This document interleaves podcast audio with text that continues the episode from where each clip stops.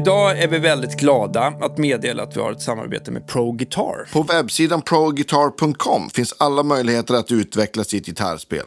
Det finns tillgång till många timmars videolektioner i toppkvalitet. Med noter och tablatur, backing tracks, intervjuer och mycket mer. Precis. Och Emil Ernebro är en av lärarna på proguitar.com, precis som Ariel Posen och Joe Robinson. Passa på att gå in på proguitar.com guitargeeks för att ta del av kampanjen.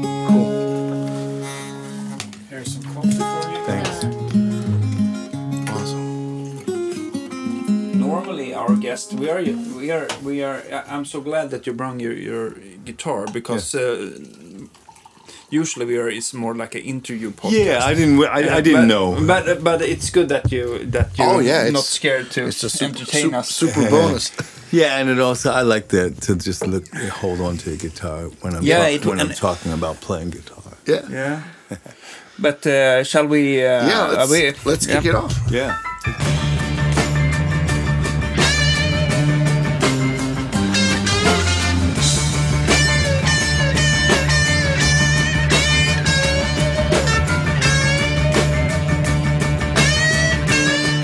Okay, uh, welcome to Guitar Geeks podcast, and today we have the honor to have uh, Eric Bibb as a guest. Yay! Yeah. Nice to be here, And guys. you brought your your favorite guitar. One Uh, of my favorite guitars. Yeah. I have many favorites. Uh, this guitar was made by a wonderful luthier in Helsinki, Juha Lottonen. Um, he's made quite a few guitars that I have, and it's just a yeah. How did you co- come in contact with him? Well, I lived in Helsinki uh, for some years, and uh, always, you know, when I'm in a new place, a new town, I ask my musician friends, "Who's the guy who I can go to to to get my guitars, you know, uh, you know, adjusted or whatever." But mostly because I want to find out what he's making, you know. Yeah. and uh, so, uh, some good friends of mine, um, Olli a fine pedal steel player in Helsinki, told me about Juha, and. So that's what happened. I, I got in touch with him and we became friends, and one thing led to another and another and another. Okay, but uh, you have uh, you have been using that guitar for a long time then. Yes, I've Because been, you, uh, you touring lived with in, it. When, when, when, did you live in uh, in Helsinki? Helsinki. Let's see. Uh, this must have been about, let's say I met Juha about 10 years ago. So this is about seven years ago, eight years ago, Okay. uh, when I when I returned to uh, to, Sweden. So uh, I lived in Helsinki for about five years or so, a little bit longer. Okay. And uh, had a chance to get to know some local players and certainly this wonderful luthier. But that that guitar you told me it was like a with a redwood top. Yes, you know I like spruce. Um, it's a little darker, a little mellower than Yeah. than um, than uh, um, Spruce. sorry. I'm, I'm I'm thinking of cedar is what Cedar, I, I, yeah, yeah. I really meant cedar. I prefer cedar top guitars in general, um, and redwood is some kind of I guess variation of the, the cedar, but it, it feels like that kind of wood, and it's uh, it's a lovely guitar. I just I just love it, you know. Yeah. Oh yeah.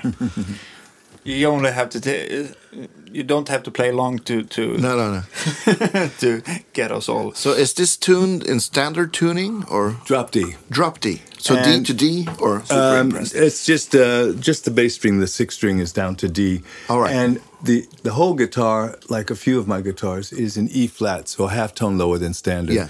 So when I have a capo on the second fret, it's really like having a capo on the first fret. Yeah. Uh, you know, I just like those um, flat keys for singing. Yeah. And also some guitars, just the tension. I, I just like a half tone lower. You know. yeah, it's a fuller sound. Yeah. for sure. Yeah. yeah.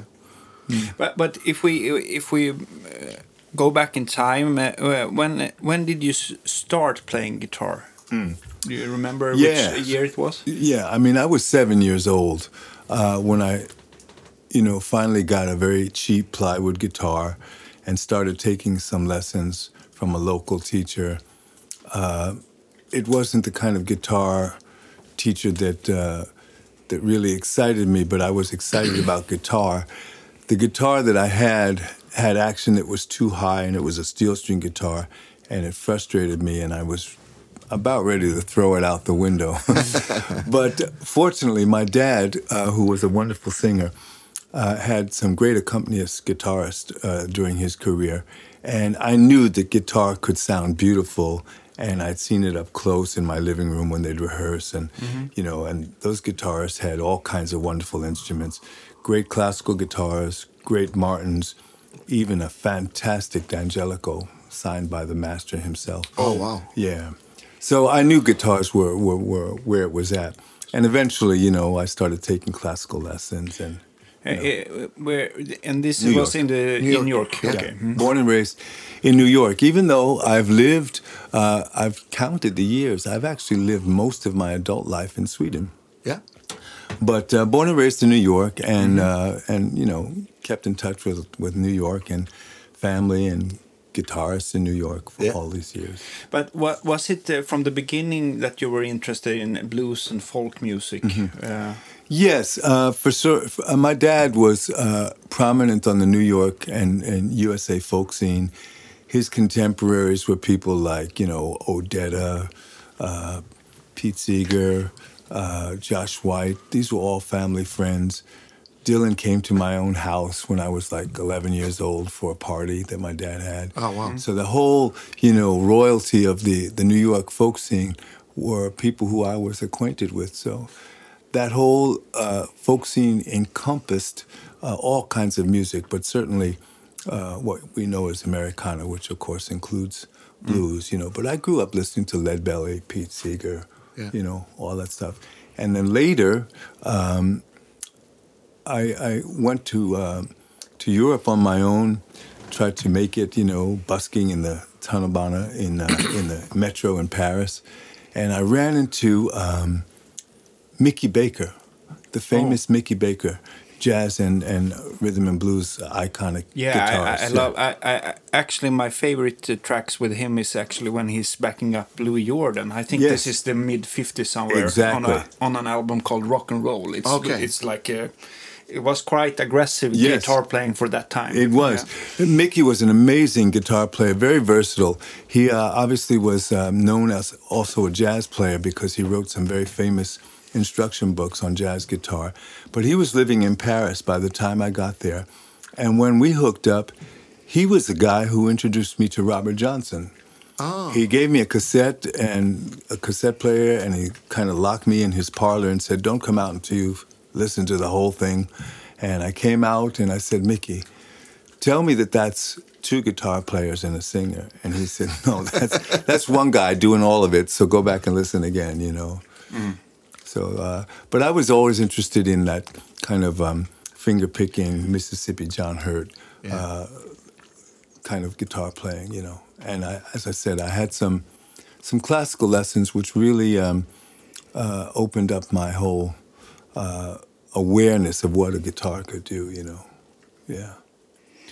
Uh, but but you met uh, Mickey Baker in Paris. You said which which year was this? This is like 1972, 71, okay. 71. Yeah. So he was living in Paris then. Yeah, yeah. He'd already been living in Paris several years.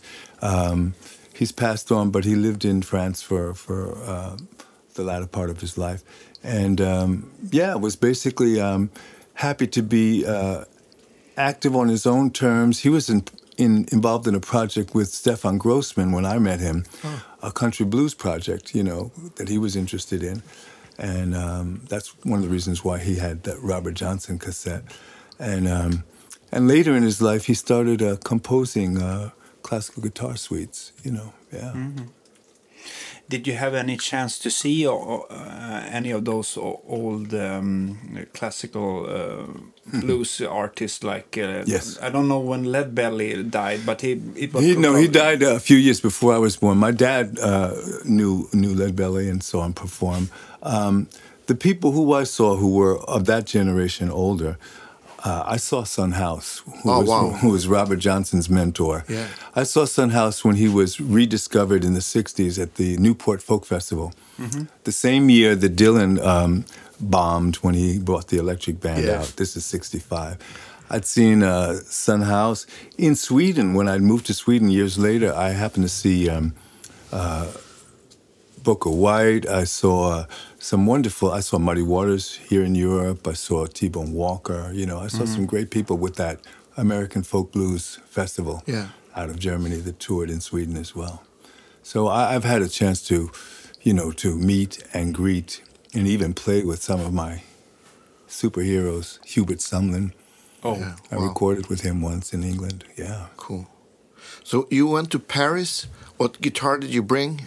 I guess you by then you you Yeah. you got another a better guitar. Well, uh, I did, but I was kind of uh, not doing so well. So actually, um, uh, somebody had lent me um, uh, an interesting nylon string guitar. Mickey had a wonderful small Martin that he let me play, uh, and eventually uh, I got hold of some serious instruments, but it took a while. So um, I, I remember, I think my parents sent me some money while I was um, uh, in London, and uh, it was money that should have lasted me quite a long time. But I went to uh, Shaftesbury Avenue and bought a Guild electric guitar, hollow body electric guitar, no amplifier. Spent all the money on this guitar that I couldn't even really properly hear. But that was a good guitar. Uh, so yeah, and then it's, it's sort of gone on from there. Me- another thing I'm, I'm uh, thinking about is that uh, we are talking about Lead Belly and Robert Johnson, and uh, people who are listening to this podcast is uh, only a few percent to know who these guys are. right. right. And can you uh, play just something, just something very short that Mm-hmm. Sure. that it's typical like Lead Sure. Belly or R- Robert Johnson, so we all understand what we're Sure. what, what you're Um, meaning? When it comes to Leadbelly, Leadbelly had a lot of wonderful songs that were not necessarily blues songs, but um, African American folk songs like "Bring Me a Little Water," Sylvie, and I put a finger uh, picking arrangement to that. That sounds like this.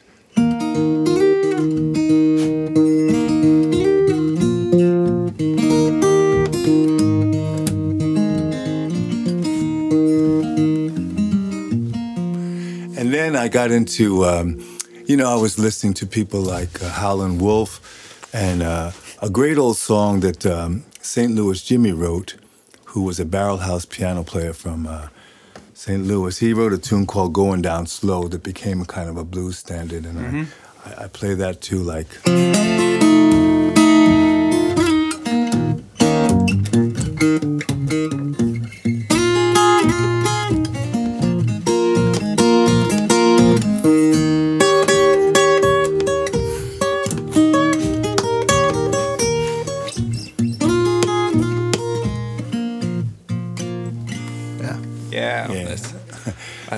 Stuff. Yeah, Uh, and. I love Lead Belly too. I think one of my favorite recordings with him is actually when he's performing live. I don't think I don't know if it's like Scotland or Okay. it's like early recordings Right. with the, into a white public. Right. But it's it's um, it's amazing, and I love those. Yeah. Uh, uh, those faster numbers like uh, is there a song called house rent stomp or Yes, House something? Rent Stuff. Yeah, It's a- it's- he I had an amazing uh, repertoire done. He had uh, blues tunes. He had children's songs. He had uh, show tunes. He, he was just like a kind of jukebox, you know. Yeah. yeah, yeah. Yeah, I listened to him a lot when I was a kid. You know. Yeah. Um, him, Big Bill Broonzy, Mississippi John Hurt. Uh, there were so many people. Jesse Fuller, the guy who wrote San Francisco Bay Blues. Yeah. Uh, it goes on and on and on. I have so many heroes and sheroes who played great guitar. You know. Actually, I think I, first I, when I heard um, name, I think it was through like uh, Clapton Unplugged or something Yeah. like that because he Mm-hmm. Right. was quite influenced bo- both of uh, Robert Johnson and- Absolutely. and, and, uh, Yeah, yeah. Lead Belly. Indeed, he was, and uh, it's funny that uh, when Clapton did his tribute album to uh, to Robert Johnson, he had another guitar player with him. Yeah. because they- it's, it's like, how do you play guitar on your own and sound like two or three guitar players? And I I think he just decided, hey man, I'm gonna just bring in another guy. Yeah. you know. yeah. uh, Do do do I need to play the second guitar if you if you do uh, uh, some Robert Johnson for us? You know, I, um, you know, the thing is, Robert Johnson. Uh, when I first heard that tape uh, f- uh, from Mickey Baker, I was completely blown away um, because there was something almost supernatural about the way his guitar and vocal uh, meshed together, and his accuracy. I mean, it was just insane. It was just the tone, everything. It, just it wasn't sloppy. It was almost like. Um, written out, you know. It was like, a, and I heard that Robert Johnson basically played the way he played all the time. He didn't vary, he didn't improvise. It was like a set piece. The one guy who um, really got close to playing his way was Johnny Shines, who was uh, somebody who uh, was younger than Robert, who he traveled with. But uh, I haven't heard many people really play and sing Robert Johnson uh, that came, you know, close to what, what he was doing. He was something that was just kind of, like I say, supernatural. So I tried learning Robert Johnson songs for a while. Um, and I kind of, you know, bought some tab books and that kind of thing. But I'm not a slide player. And at the end of the day, I just thought, Robert, I'm going to let you just be. You're going to be there and you're going to kind of, you know, be talking to me in my soul, but I'm not going to try to cover your tunes. Okay. but but um, yeah, I heard some. Uh, I mean, I listened a little bit to to Robert Johnson. I think it's fantastic, of course. But uh, lately, I think there has been some like YouTube clip when they have changed the. The, um, the tempo or Okay, the, the the, speed. record the speed of the recording and have you listened to it which what do you do you Yes, think it's this, funny. is, is this the way it should be or is it too slow or too fast or I think maybe somewhere in between because um, I have a, an old uh, portable uh, phonograph and it goes just a little slow and it doesn't sound as bright and as like crazy as insane as as as the the ones that got re-released on CD but the lower ones they sound a little too low so Yeah. I'm sort of thinking I I think I'm leaning more towards the higher stuff that he did Yeah. because Yeah. uh, I think so But not as high as the, eh, that you find no. on the on no, the maybe a little, yeah, maybe a little CDs. slower than that. Yeah. yeah, Okay. yeah. I think that you know variations in speed between the whether they were recording on wire and whatever Yeah. and wax, and so I think there there could be some variations. But my my general feeling is is that it's somewhere just a hair below what's on those reissued CDs. Yeah. You know? And, It's very interesting.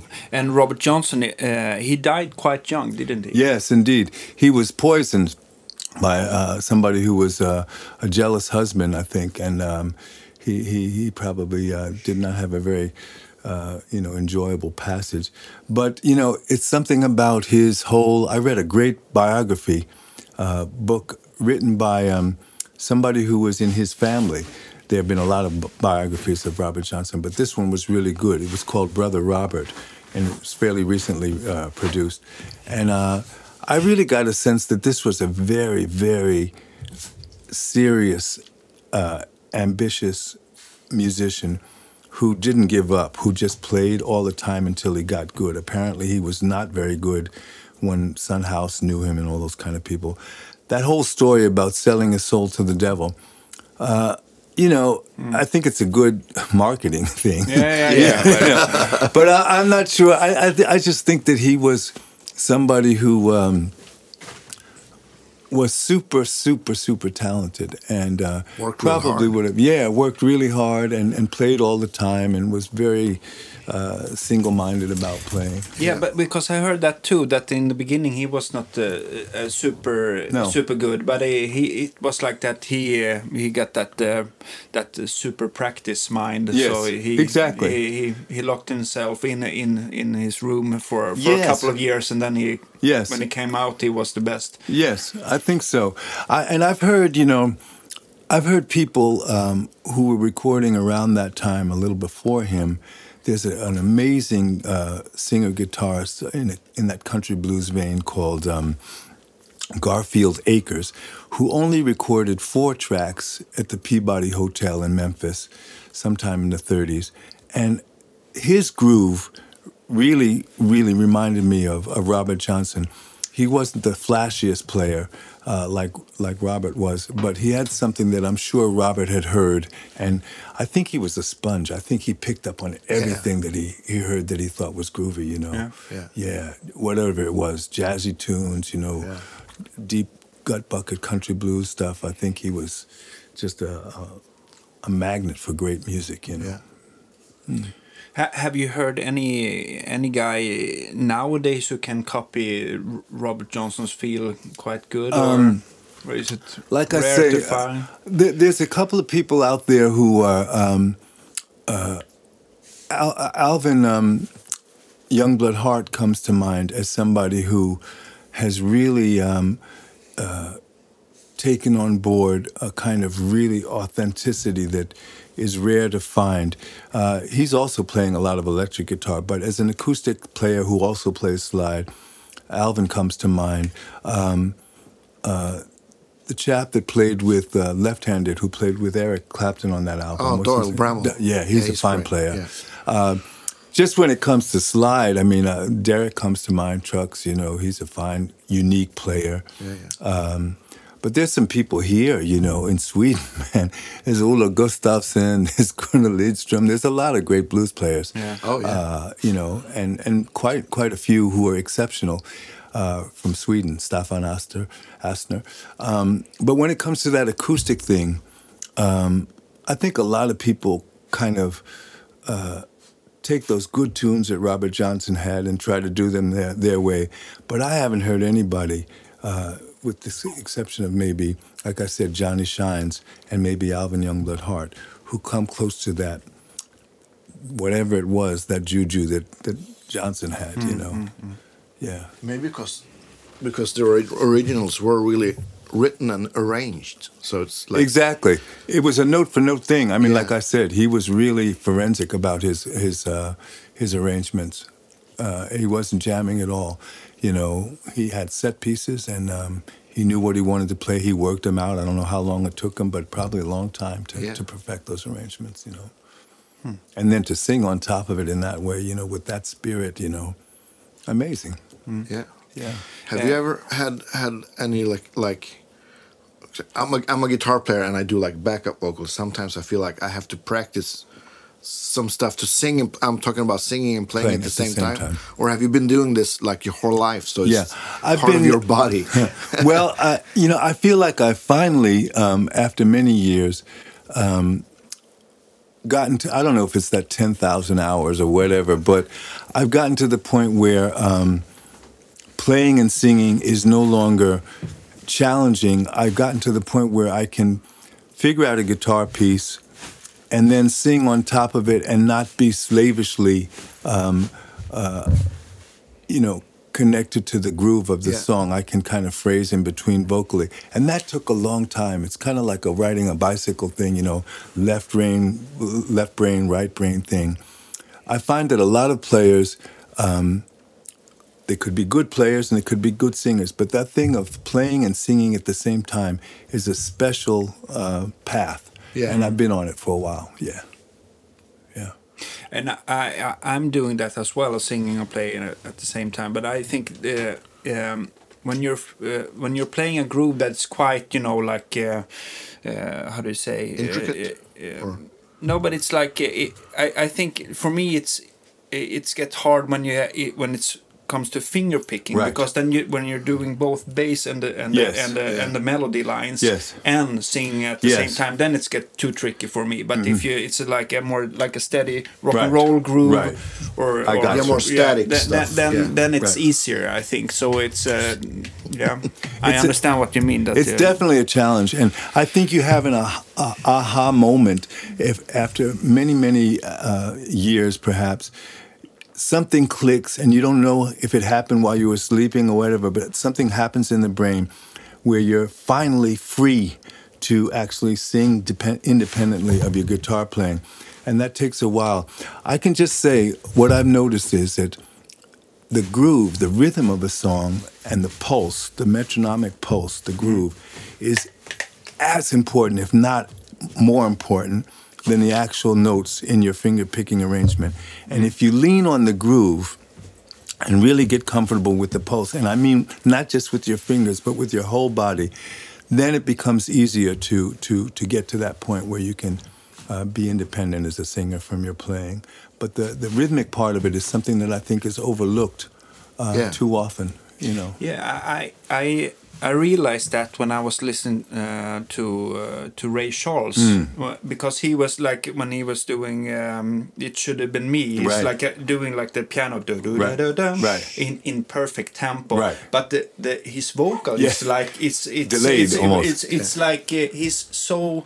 Uh, laid back, Yes. so it's like um, in in time. So it's I, I can't understand how he can play that and sing like that at the same time. It's yeah, like they, yeah. This is what I'm saying. You, you you must reach a certain point where, and Pete Seeger once said in in a book of his about learning to play and sing, he said nail the guitar part independently first. Make sure it's like really in your muscle memory. Get it there so you're not thinking about it, and then put the vocal in. You maybe have better luck. You know. Mm-hmm. Instead of just trying to always do it simultaneously, and one's you know dependent on the other, and you kind of when you when the guitar stumbles, the vocal stumbles, and, Yeah. you know. So how, how do you write songs? Is it does it start with the guitar? Or, or with a- Often, yeah. Often it starts with, if it doesn't start with a lyrical idea, and sometimes I will have a, an idea and write a chorus or a verse, but mostly it's I, I pick up the guitar, and um, I come across something that I like, some pattern, Yeah. and uh, that'll lead to a song. And I can't really say how I write songs. After all these years and hundreds and hundreds of songs, I still don't know how they happen. The, the good ones, you Yeah, know. yeah. You know, it's somehow some kind of uh, mysterious process. You know that that I. Do, do you work on them for a long time, or do you?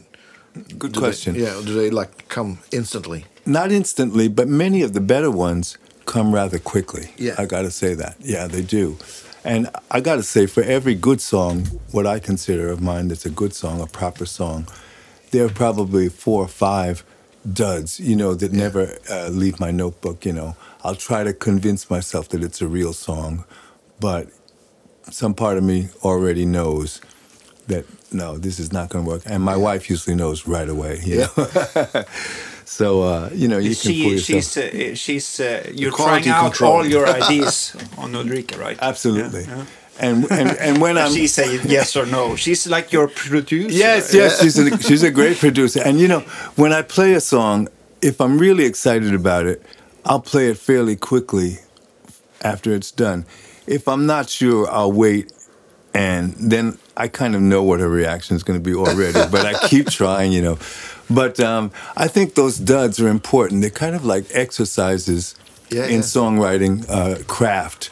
And uh, if you write a few of those, maybe the next one will be a real one, you know. Yeah. It's like, Get them out of the way. yeah, yeah. Uh, if we uh, if we uh, go back to New York, when when did you start making your first money out of Mm-hmm. playing?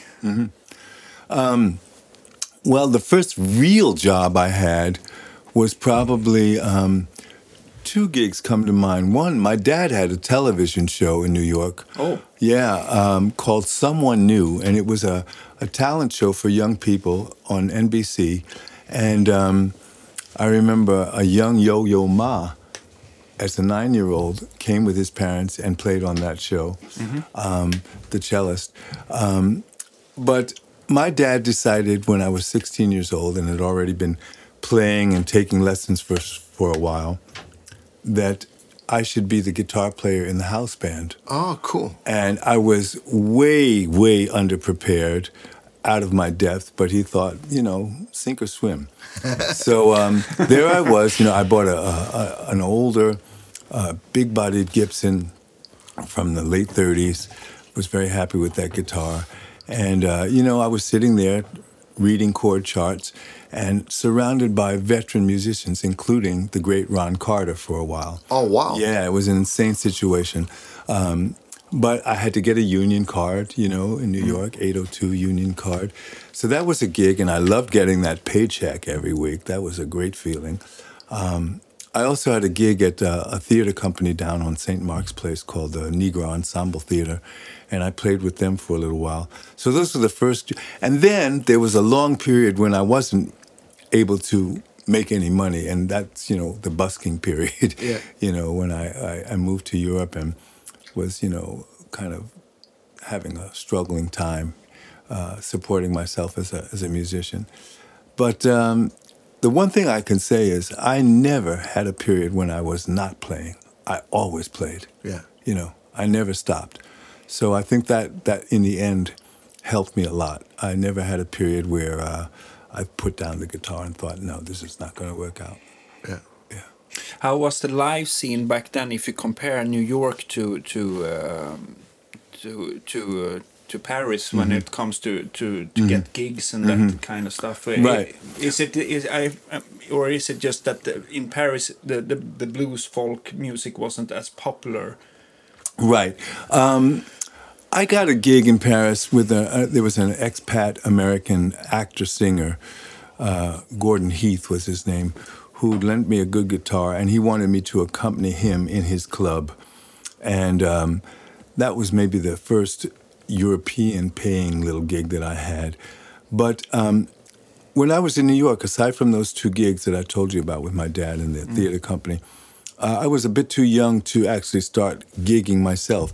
When I returned to New York in the 80s, I started getting gigs um, at a club called the Bitter End, where I used to see people yeah. like Joni Mitchell and Jerry Jeff Walker, and uh, as the opening act. So I opened for Etta James in New York in the 80s. I opened for uh, one of the Chambers brothers. I opened for Sonny Terry and Brownie McGhee. Oh. Yeah, that was a good experience for me. Um, wonderful to to kind of be able to penetrate that scene. Very little money, and I was frustrated by not making um, more progress in that period. So I returned to Europe, but. Um, Paris at the time that I was there was mostly a jazz scene, you know. So I would get a gig once in a while with some visiting guy, you know, uh, kind of doing my fake, you know, jazz thing, you know. But I was never uh, a jazz player at, at all, even though I took lessons from some serious people in New York. But that never really, um, as a as a music, it was wonderful. I was into jazz, but as a player. I really wanted to sing and play at the same time. You know, that was my thing. I Yeah. wanted to accompany myself. And when I got into finger picking, then it really started to become an obsession, you know. I want to be able to do like those old guys, you know, John Hurt and, you know, Yeah. finger pick and make a guitar sound like, even if I wasn't singing it, was big music, you know. And there, my, my classical um, lessons came into to hand, you know, to, to, to my benefit because I'd learned that, you know, playing with your thumb and three fingers on your right hand really could produce quite a lot of music, you know. And um, so I started really trying to work out arrangements that sounded complete in themselves, you know. So when did you record your first like solo album? When I was in Paris uh, during those early, early years, this is like 1970 or whatever, a friend of mine who had a Revox tape recorder uh, worked during the day, and he let me stay at his apartment uh, while he was at work and basically record my songs on that Revox. And I took, again, some money that I'd gotten from my parents uh, and spent too much money, but taking it to uh, a place that pressed a Yeah. couple of, you know, long playing LPs. So that would have been my first. Then, um, And those are quite rare to find. I yeah, guess, I think my mother's apartment uh, had the only surviving copy. Um, but uh, after that, I came to Sweden and I made a record on um, that um, Prague label, progressive music label called MNW. Oh, yeah. Yeah, out in Vaxholm. Uh, that might have been my first real record. And then it moved from there to some audiophile recordings by the Opus 3 company Yeah. some early ones uh, that turned into uh, a couple um, in the early 90s that kind of got some attention internationally, uh, where I played with some players. That's the first ones I've heard. Yeah, the That I Needed Time I group, you know, yeah. where I Yeah, yeah, played yeah. With. wa- wa- yeah. Was that released as Eric Bibb or Yes. uh, or Tiny Island or No, no, Eric Bibb. And some of the players in Tiny Island were involved in the, the ensemble that Like I put together. or- Göran Wennerbrandt, Yeah, yeah. Christer Lisserides, Yeah. uh, Ola Eriksson on bass, Bjorn Gideonson on, on drums, uh, Janne Pettersson on accordion and piano. Wonderful. uh, Um, uh, the, the late Jenny Bohman on harmonica, Yeah. replaced by Derek uh, um, on uh, on harmonic, Derek Walker. So those recordings, the two records that I can think of uh, with that ensemble, one was called uh, Spirit in the Blues, and the other was called uh, Good Stuff. Those were very special recordings. Um, they were very much influenced by what Ry Cooder was doing uh, around that time, where he was doing uh, groovy, uh, folky, bluesy material with backing vocalists who had a gospel kind Yeah. of orientation. You know, those records, Chicken Skin Music, where he has Terry Evans and Bobby yeah. King and and Willie Green on vocals, really impressed me. I love that sound.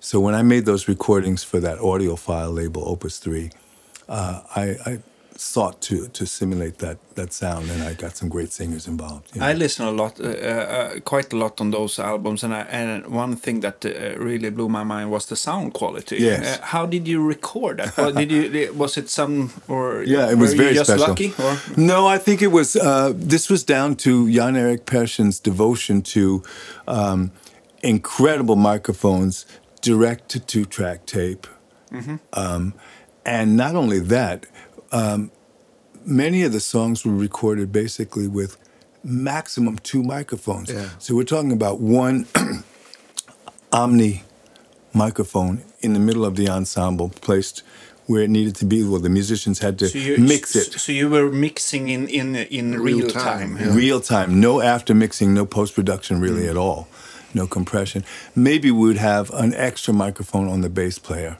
on the on the contrabass player, um, but that would be it. And I found it sometimes frustrating because I wanted the ability to mix afterwards.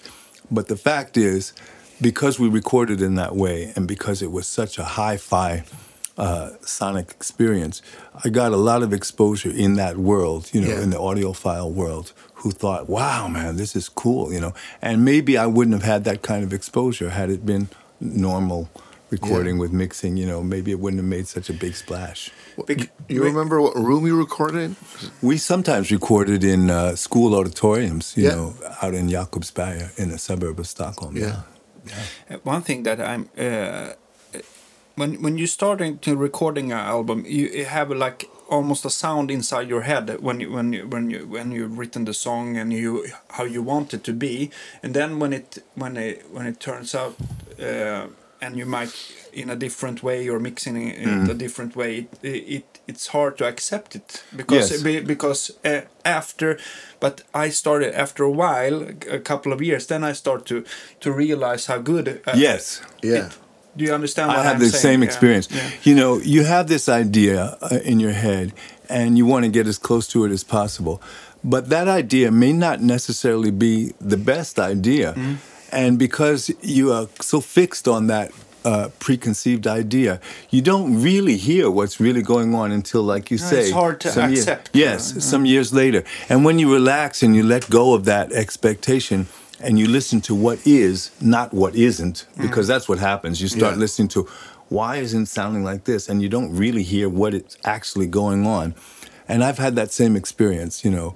You know, I would think, oh man, I want the vocal to be a little bit more up front, or I want to, or, or I don't like the ambience. I wish it had been drier, or this. Yeah, yeah, yeah. But at the end of the day, especially when you listen on really fine equipment, you realize what an achievement those recordings were. You know. Mm-hmm.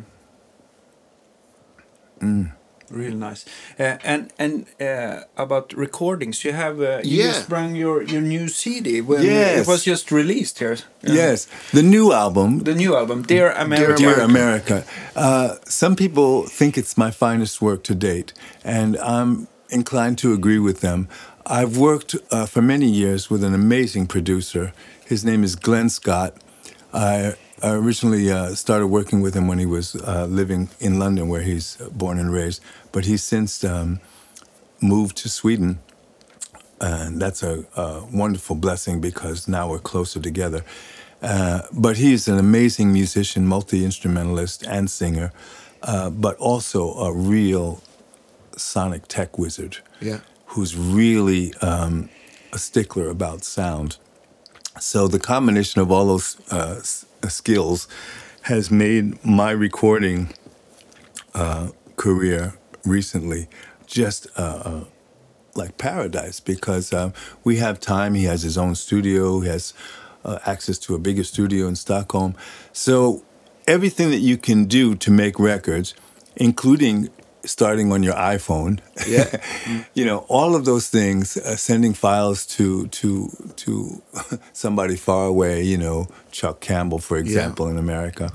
Uh, we've had uh, an opportunity to basically make uh, an ideal uh, record in terms of production. I went to New York with with Glenn to record part of that album at a great studio called Studio G in Brooklyn, where I met up with Eric Gales, the phenomenal Eric Oh, wow. Gales. Yeah. he's on that album. Uh, Steve Jordan's on drums. You know, it's just oh man, it's, crazy. I'm getting goosebumps now. He's my favorite drummer of all time. yeah, it was a dream. And I, I must say, I have to thank Glenn again because years ago he said to me, Eric, you know, uh, you have such a, a, a, a special, you know, gift, and you you have a, a way of involving the people around you, local people who are fine musicians. But basically, one day I'd love to take you to New York and put you together with like top of the line rhythm section, you know, like Steve Gadd or Steve Jordan on drums. And we we did it. I mean, Steve Jordan's on drums, Tommy Sims on bass. This is a guy who played with, you know, Springsteen and Yeah. Bonnie Raitt and everybody. And Eric Gales. And um, yeah, it was just a dream come true. Um, I heard Eric Gales, who I consider probably the most exciting electric guitar player uh, on the scene right now, uh, on a blues cruise. Joe Bonamassa has a blues cruise. Yeah. And I was invited to be one of the artists, and Eric was there as well. So uh, my wife actually caught uh, a little film clip. She filmed Eric Gales kind of grooving to my set. And I thought, oh, he likes my music. And I heard him, and he blew me away. So I went up to him. I said, man, would you consider being a guest on my next album? He says, it's going to happen. That's the first thing he said to me. He Yeah. said, it's going to happen. And I was trying to say, well, listen, man, well, uh, we'll get into it. He said, don't worry about it. It's going to happen. You know? and it did, you know. Yeah. So did you record that like uh, like a live session with with him? Partially. Um, we, we'd come prepared, Glenn and I. It's not like we started from scratch all the time. Um, so we did live on the floor sessions with Eric and Tommy and, and Steve Jordan's. Yeah. But uh, there were moments when they were playing to something that was already recorded, Yeah. you know. Yeah. Because I wanted to focus on getting, you know, these are expensive guys. It's not Yeah, like we had weeks to, to hang out with Steve Jordan, you know. No. We had, so we wanted to get it right. And like I said, uh, my producer Glenn is a, a great organizer and knew exactly what he wanted to do, and, and we got it done. It was just uh, an amazing experience. Is is Glenn has he mixed the album too or Yeah, yeah yeah. he Glenn lives mixed here in Stockholm or Yeah, now now he was. I mean, when we mixed it um, uh, at that time, he was still in London, but um, we mixed it here uh, as well. I think we finished the album up uh, here. We put the final touches on it, and uh, it was mastered um, by a wonderful uh, guy who works out at um, East Coast Studios in London. And East Coast is um, a legendary studio where Bob Marley and other people, you know, recorded. Uh, that's also owned by another Swede, Martin Terefe, who Okay. is a, a wonderful producer and uh, who's worked with everybody from, you know, uh, Shawn Mendes, all kinds of uh, Jason Mraz, pop Yeah. pop stars, you know. But I've had a, a wonderful um, uh, opportunity to work with great studios and engineers uh, throughout my career, and the connection with Glenn and his people in London has been wonderful for Yeah. me. You know. Do you ever record anything at home? Do you have like a good mic and a sound card and this is what happens. I, I don't. I'm not a tech guy. Um, I rather focus on the playing part, and I find if I'm too distracted with the technology, I I lose it. So what I do have is some great mics, and I usually ask uh, a wonderful uh, recording engineer who lives near me locally, Chris McGreevy, to come over with his portable setup, you know, interface and laptop, and Yeah. He brings some more mics, and we can start. Uh, some of the songs on Dear America were started, you know, in my bedroom, Yeah. at home. Send uh, guitar and vocal with a click track to Glenn, and you know, the rest is history. Yeah, yeah, and even uh, on stuff that I'm working on for uh, an upcoming album, because I'm always recording. I've actually been able to use my iPhone to start.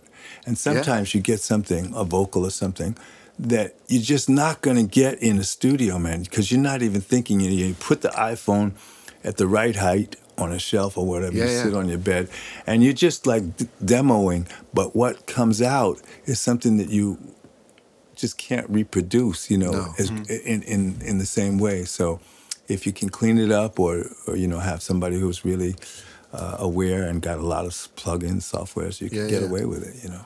Yeah, because that that thing of playing something for the first few times, it has a certain kind of magic to it. It's true. That can be f- impossible to catch. Absolutely.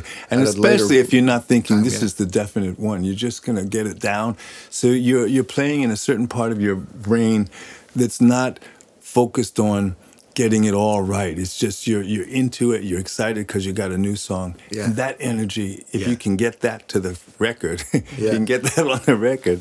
And you know, I got to say, in the old days, when recording sessions were basically all live on the floor. It's like you got two days in RCA studio. The musicians are hired. The union has got everybody paid. It's not like you have chances to reconsider. You've got to be ready. And somehow being on that hot seat produces something from you that would be different if you had a million chances to redo it. Yeah, yeah. And it's just like that. And I'm really a big fan of, of the new uh, technique, you know, where we can really diddle stuff and, and dial it in. But I also know the value of a spontaneous on the floor session, you know. So Me too. I yeah, think it's yeah, yeah. It's and it's irreplaceable. in and and I can feel sometimes even though you've written the song, it doesn't mean that you own the music right, Right. away. You Right. Sometimes you have to play it for a while, Absolutely. before it kind of sinks in and you Very true. Do the song and justice. also the actually. opposite. Also the opposite. I find sometimes that the first uh, time out with a song, your first way of approaching it, has something that repeated playings. It might be slicker, it might be whatever, but there's something that's mm, not quite as attractive. So it can be both.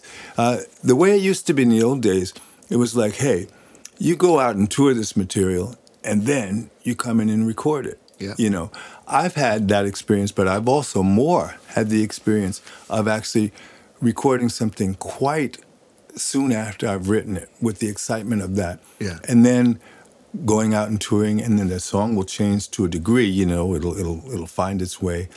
And that might be another recording, but that live recording would be basically uh, another animal from that first, you know. Right. Yeah. Yeah, yeah, yeah. I agree. Um, but uh, but one thing uh, about um, uh, I had something in mind uh, with, with the with the hot seat that then it's really good to have a good producer Yes, as well yeah. because because when you're if you're doing that by yourself and be the producer it's but it's it, you're into details Yes. which is probably only just yeah. important for you Yes. but Yeah. the, the producer can say if if you're well prepared and uh, all that it's uh, it's it's much better instead Exactly. of just working with yourself because it's so Absolutely. you're you hang up on details that Yes, are you not Yeah, wear yeah, too yeah. many hats, and I, I love having um, uh, a producer like Glenn uh, around because, um, you know, I remember when we first um, years ago went to Nashville to record a record. That's where I met Tommy Sims.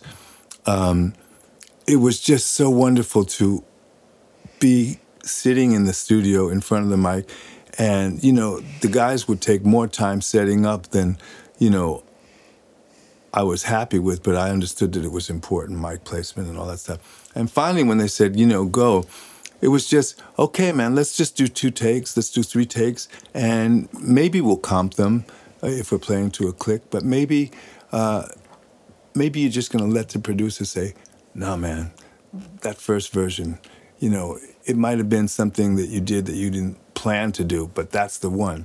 And having that independent, objective person there to call the shots frees you. It's nice to, to be able to let go of that, you know. Yeah, yeah, yeah. totally. For for this album, uh, it's called Dear America. I, I guess there's a theme to the Yes, to the songs. You're absolutely right. You know, the the bulk of these songs um, were written, first of all, pre-pandemic. yeah, and even pre George Floyd. And I was so uh, alarmed by what was going on in the States during that Trump administration Yeah, yeah, that uh, even though I might have had a whole bunch of groovy love songs, you know, that I wanted to to to share, I understood that um, I just had to weigh in on this. I had to use my voice and my uh, experience to comment and join the conversation about what was so seriously alarming uh, that was going on in the states. And I'm glad that I, I followed that calling because. Um, it turns out that many of these songs almost seem prophetic. You know, like there's a song where Eric Gales is featured called "Whole World's Got the Blues," and it sort of almost sounds like I'm talking about the COVID thing, but it was written before the COVID thing broke out. And as a songwriter, I can say sometimes you have the um,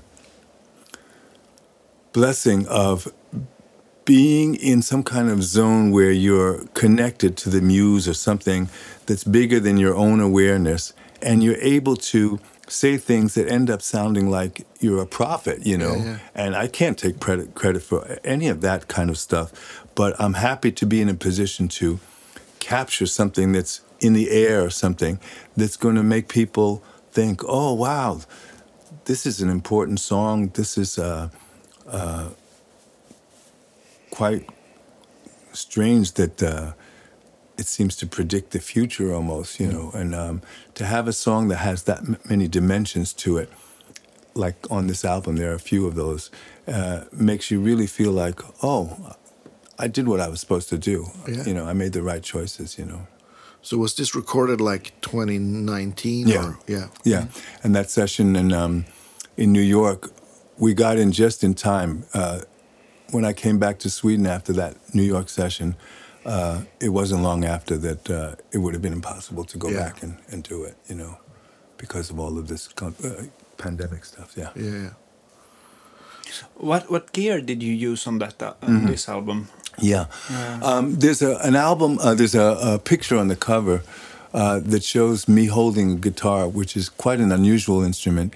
Yeah, It's- yeah, you brought this in yeah. for for setup. Yeah, uh, it's a once. Bulgarian instrument. Yeah, it's really uh, Oh, wow. something else. Yeah, Yeah, it's quite has two two sound holes. Let's start there. Mm-hmm. A big bout, odd looking bout that has a second sound hole. yeah, and it's a little bit offset. Uh, Um, Yes. the, yeah, yeah, everything about it is unusual. Mm-hmm. It's probably it's a cheap guitar that plywood guitar that I bought in the south of Sweden in an old music shop for 500 crowns without a case, took it home on the train, played it all the way home. Mm-hmm. But I love it. It has a very um, short, not a lot of sustain, quite percussive sounding guitar, which is great for certain kinds of tunes.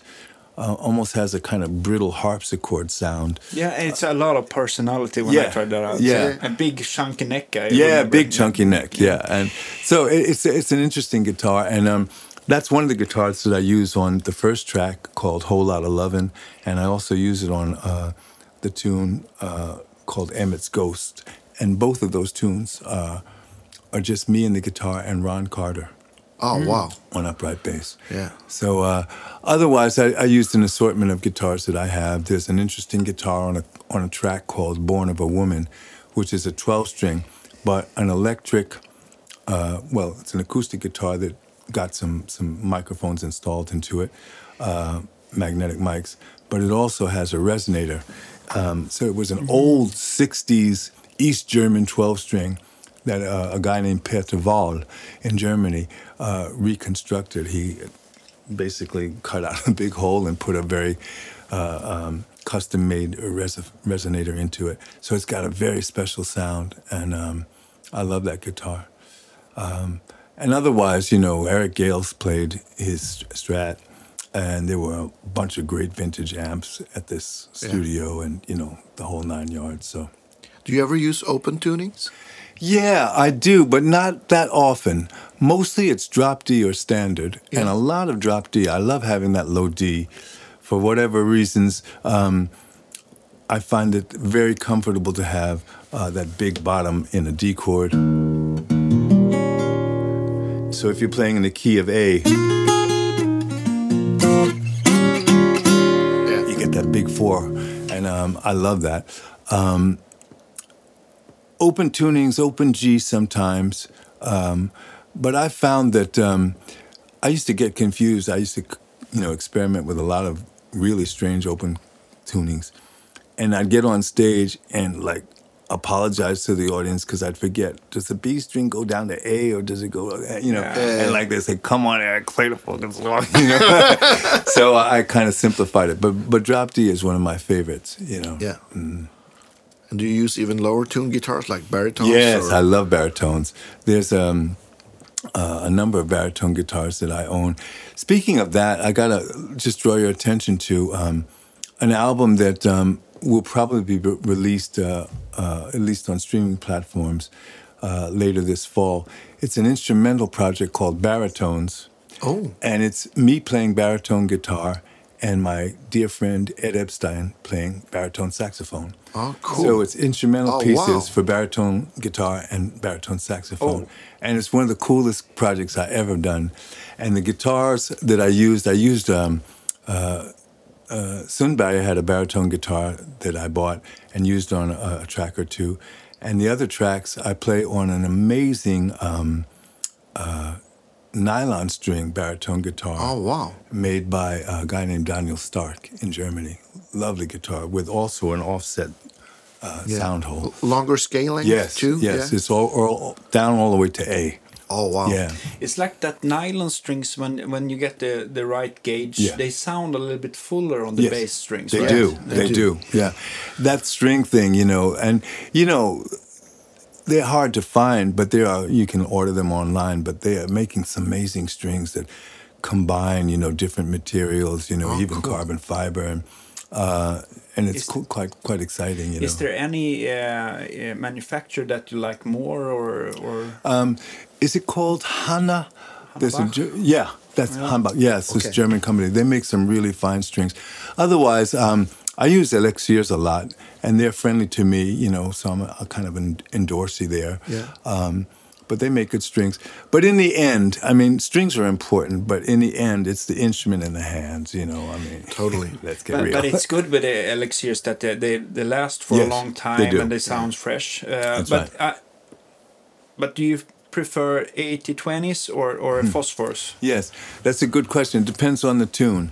Uh, 80-20s are really happening um, for that kind of. Uh, uh, it's a different sound. It's an older sound. You know, I even like those um, mono strings that uh, Tony Rice has. Those Martin strings. They're made from. They're, they're nickel. Yeah. And they have another kind of, sort of, uh, not so bright and and kind of a, a mellower sound.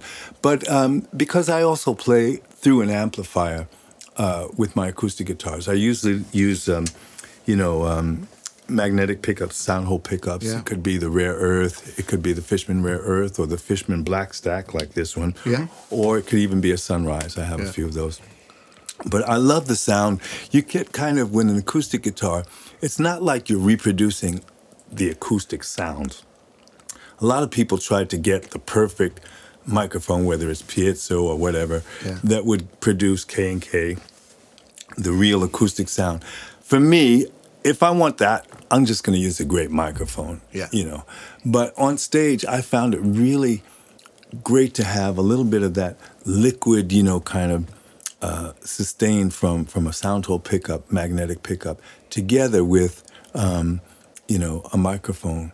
And sometimes I'll just use without a microphone, just a DI straight signal, and then go to a rolling chorus. Yeah, yeah. You know, which is a sound I like, um, and split them. You know, so yeah, amplified acoustic guitars like. Uh, uh, I remember um, Lightning Hopkins used to do that. He used to have those Sound holes. sound hole DeArmonds in there, Yeah. and it was a cool sound. It was kind of somewhere between, you know, Robert Johnson and and and you know, Hubert Sumlin. You know, Yeah, but it sounds. Uh, but you, do you ever uh, distort the guitar, or is it just clean through the amp? Or um, it's usually clean. If I use distortion on a recording, it won't be me who who's added that. It'll be my producer who's decided, hey man, we need to dirty this up. So he'll maybe take a line uh, signal uh, recording uh, where I've recorded with a direct wi- to the line and put it through an amp simulator or something, Yeah. or or even he'll even put it through an amplifier and amp the microphone, uh, amp the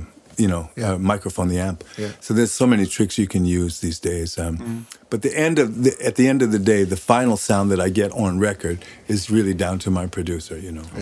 But when you're when you're out pla performing live, you you you you bring your guitar with that uh, passive uh, sun, sunrise or or Yes. Fishman pickup Yeah. and and plug it into whatever, or or is No. it, do do you always have your jazz chorus with you? Yes, I usually bring it. And you know, um, when I was on tour, uh, often, as opposed to lugging around my own amplifier, um, I would, you know, put it on the uh, the spec list, and a hire company would show up, and some of them were really raunchy, you know, and uh, and yeah. noisy, and the hiss. And then I discovered, I think I was in New York uh, in um, a Guitar Center shop, and I saw a new Roland. It was a 40 watt one, uh, and it had a manual, uh, you know, position so that you could actually control the chorus. On the old jazz choruses, it's on or off. Yes, Yeah, it's yeah. either on or off, and it was a cool sound. But if you did, if it was too wet, you know. Yeah. But now with this adjustable one, I find it really nice to be able to to dial it in, you know. Yeah. And it's also not a big amplifier, so I can actually take my own, you know, to gigs, you know.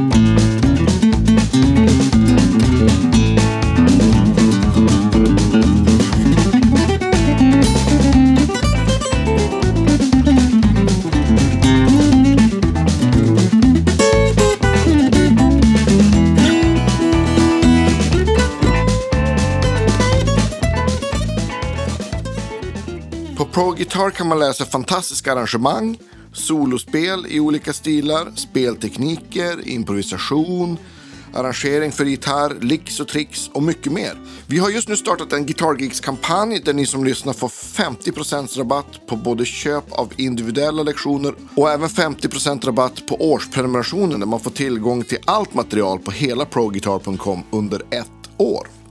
Passa på att gå in på proguitar.com guitargeeks för att ta del av kampanjen. Det här, är inget, det här får man inte missa, eller hur? Nej.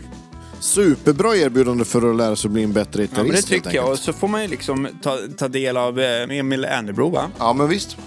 Emil Ernebro, eh, eh, Joe Robinson, Ariel Posen med flera och de, de senaste licks och tricksen. Och, eller egentligen bara bra tips för att, för att bli en bättre gitarrist. Ja. Ja. Och en fin rabatt här också. ja, köp.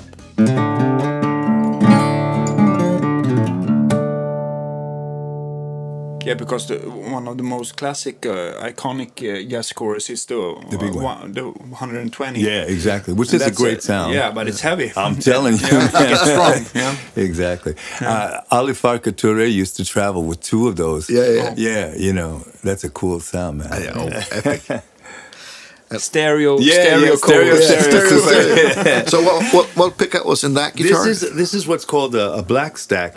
It's made by Fishman, but it's um, passive as opposed to the rare ear- earth one that needs Yeah. those two little batteries. Yes. I got tired on tour of changing batteries, and sometimes I'd be you know in a gig and, And forget to change the batteries, and it would die in the middle of. I said, what? So and, they and made this also one. the, the those batteries, they're- coin batteries, but Yes. they are quite thick. Yes. and they are not that super common. No, no, they're hard to find. You know, if you if you have to run out to the local, you know, 7-Eleven, you might be out of luck. You know, and and then they also uh, there, were different things. You know, I found I had to tape them in so that they wouldn't pop out. You know, you know, because I'm pretty physical when I play on stage. So uh, all of those things were were made easier with this uh, black stack, which has no no batteries at all, and still sounds good. And it looks like a Fishman. I mean, Yeah. like a like a Sunrise. Yeah. Uh, uh, have you compared it to a sunrise? Because You know- they look almost the Yeah, same yeah, with, they're the, very with much the adjustable same. pole pieces. Yes, and- exactly. You know, I have not done a forensic comparison. Um, the thing about the, the sunrise, I remember when they first came along, everybody was like, "Whoa, what a sound!" And I, I totally got it. It was such a rich sound. It had its own preamp. Yeah. But the problem with the preamp, I wish it had some kind of, um, uh, you know, just a battery, uh, kind of like a shovel in kind of thing. But it didn't. You had to unscrew the whole back. You had to change the batteries, and if you were too sloppy, you might have pulled out a cord. You know, so I found it all a little too delicate for for on stage work. But what a sound! I mean, if you use the um, the Sunrise without that preamp, it really doesn't good. sound good, man. No. But with the preamp, man, it's fantastically rich sound. Yeah. Yeah. I guess it's um, uh, what's it called? Uh, impedance thing. Yeah, I yeah, guess. he's really dialed it in, you know. And, Yeah. and he didn't make that many. I mean, it wasn't like a mass, mass produced thing. No. So they were also harder to find, you know. So But that one sounds good even without uh, a, a preamp. preamp, yes, Yeah. absolutely, absolutely. And uh, like I said, it sounds good di- directly to a DI, and it sounds really good directly to the to amplifier. Yeah. Yeah. Do you- no, do you- and they and they can't be crazy expensive either because No. Fishman is a huge brand. And, Exactly. and and, uh, Exactly. and the and the pickup is quite compared to the other ones. Yes. they are. It's quite simple. I That's guess. right. I mean, the the the, the Sunrise was quite expensive when it, the, they came along, as it were, because they're handmade and all that kind of stuff. But these are mass produced, and I found they were a really good compromise. Mm-hmm. Is it a single coil or a humbucker? No humbucker. Yeah. You know, I find that for me as a singer, uh, troubadour type of singer who doesn't always perform with a band, I needed a quieter Yeah. pickup. You I totally get that. Yeah, you know, and if you get on stage and the lights are not wired properly, man, and if you're a big blues band, you know that's okay. It, it Yeah. kind of adds to them. But if you're into a, like a quiet song as a as a as a balladeer, you don't want that No. noise. You know. Do you ever bring like any pedals for for the acoustic? Or Yeah, I used to. I used to um, uh, use those T Rex pedals, which are really good. They had a nice tremolo one that I liked. Uh, there was a couple of Finnish uh, smaller pedals that I liked. But when I got that jazz uh, chorus that had the uh, manual for vibrato and Yeah. for for, for uh, chorus, I, I wanted to simplify my whole rig. I just thought Yeah. I don't want to think about all of this. I used to have uh, some some other gear that had you know where you could do octave stuff. And it just got to be too complicated. Yeah, yeah, you know, yeah. I would find myself, you know, spending too much time in the sound check, and the guys are like, "Come on, can we play it soon?" so uh, yeah, I like a simpler, direct, you know, setup on stage. You know.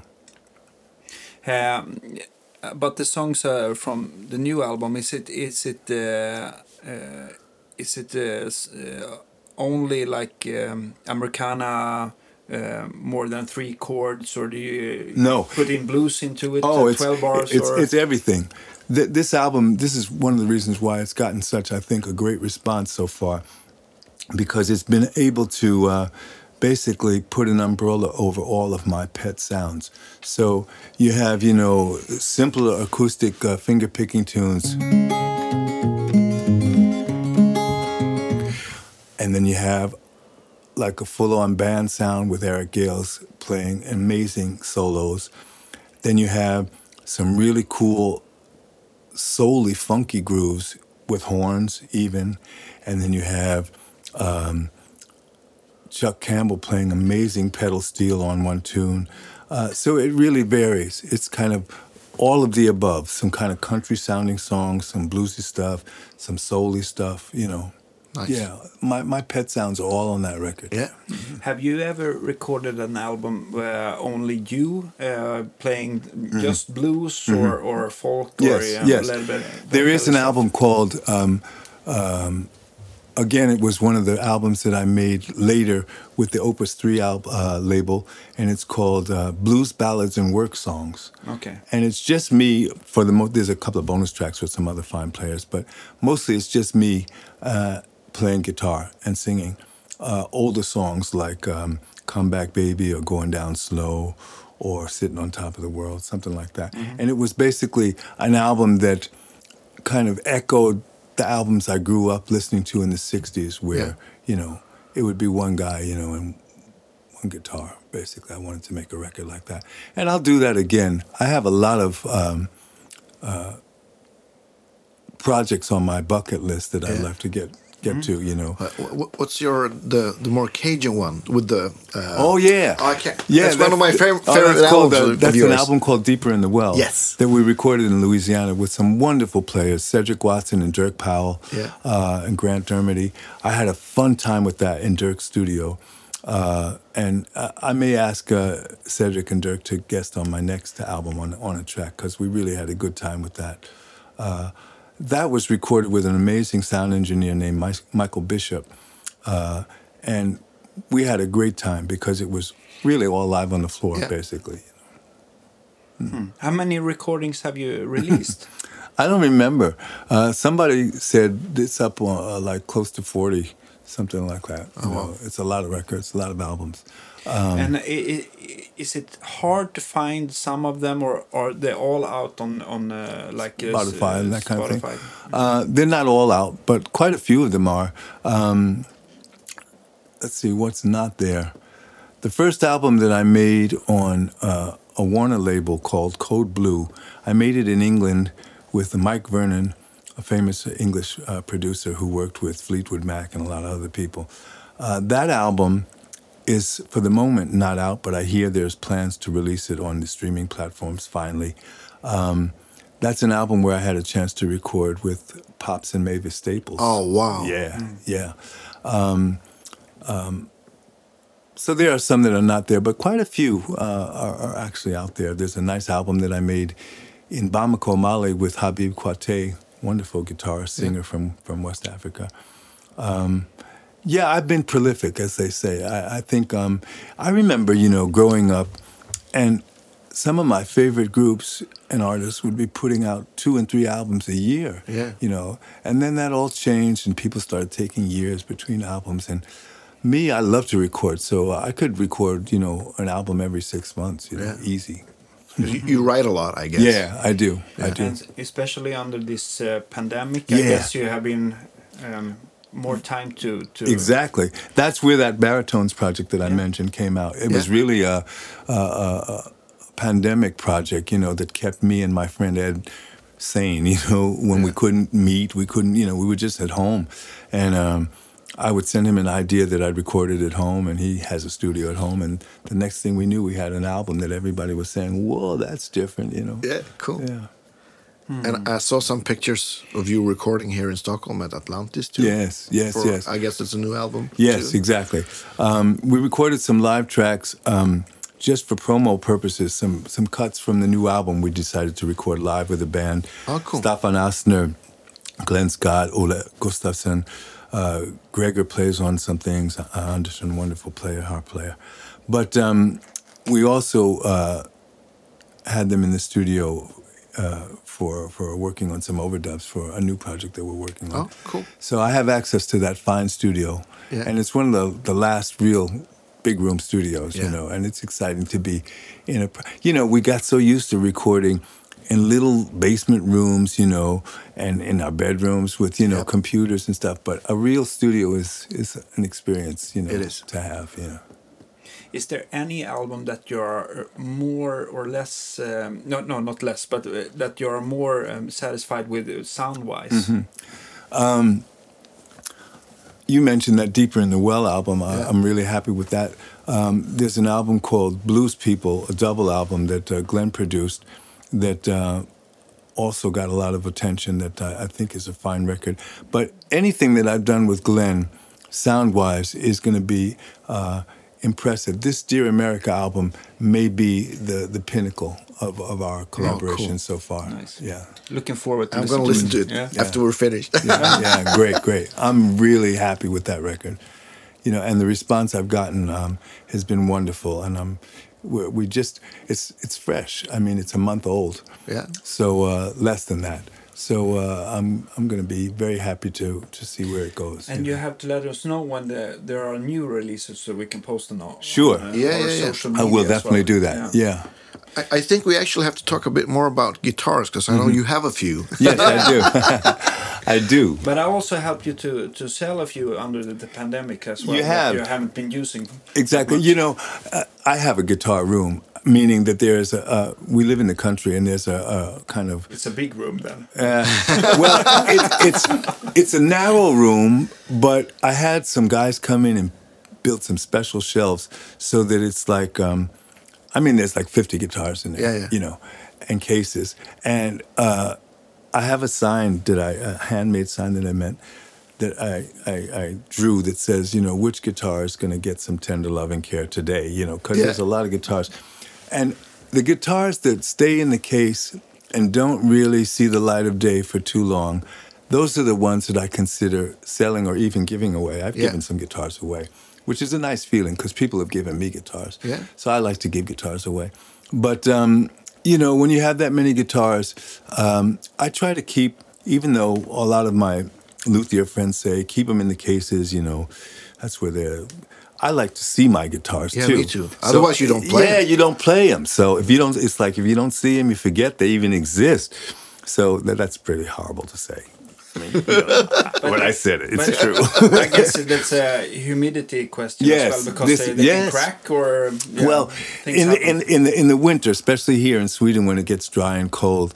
and Finland too. I guess. Yes, oh, it was very much a question of that of having a humidifier uh, in a room. Um, so I try to keep. You know, I, I'm not really that careful. I wish I was a little bit more.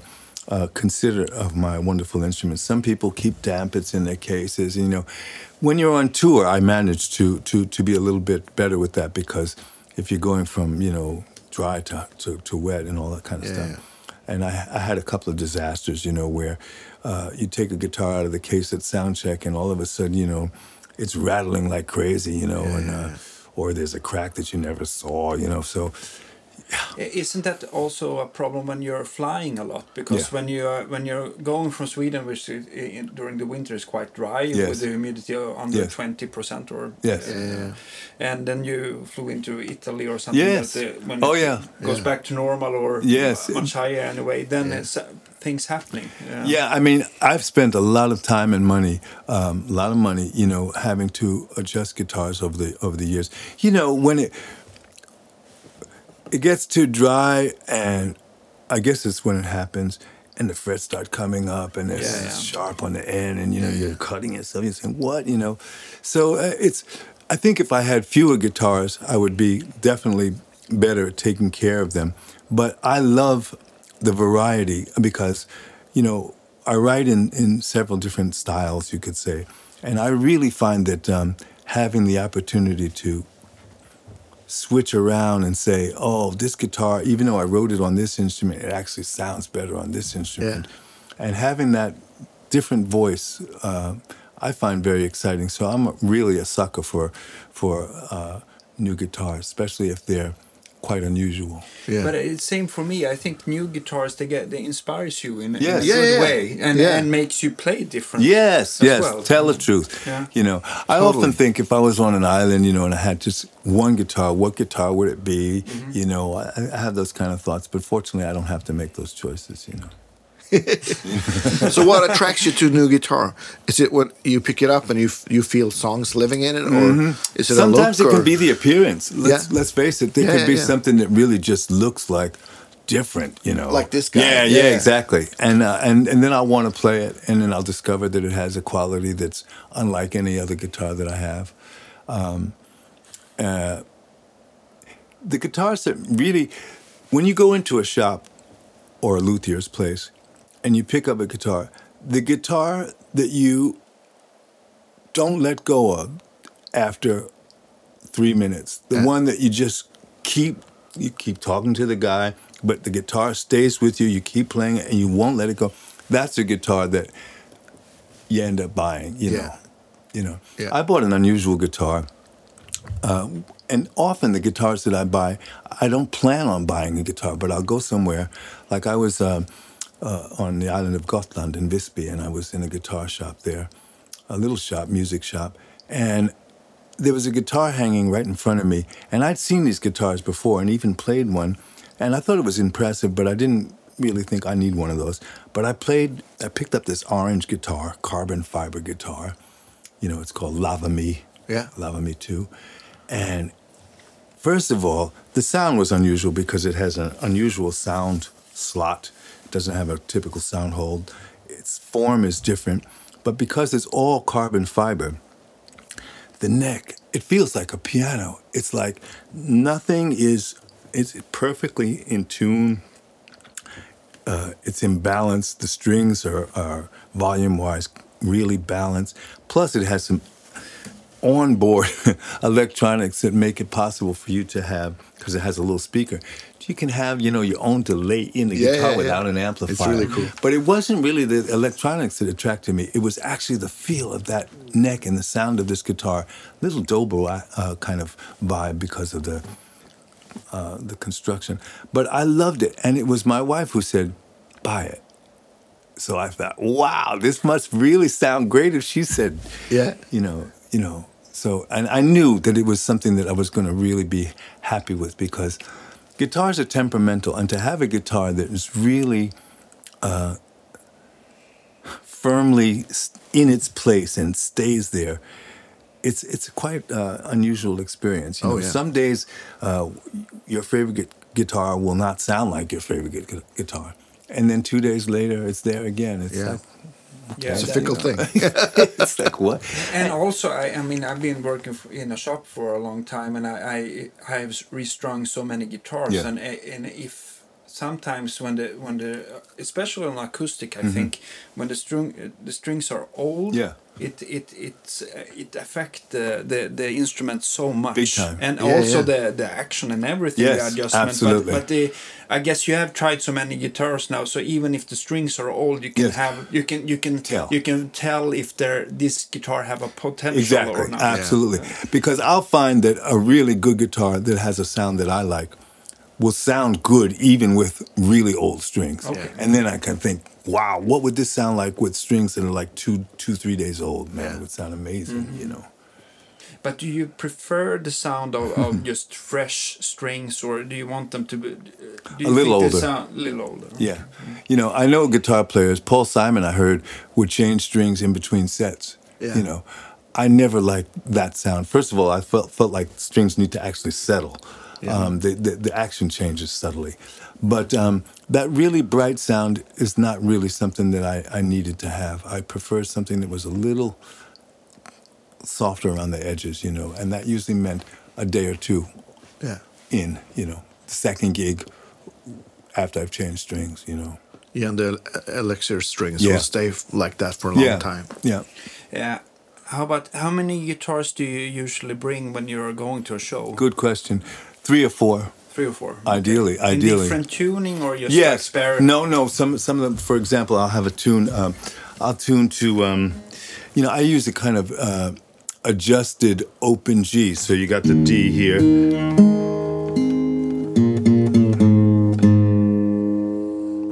And I got a tune that's good. Uh,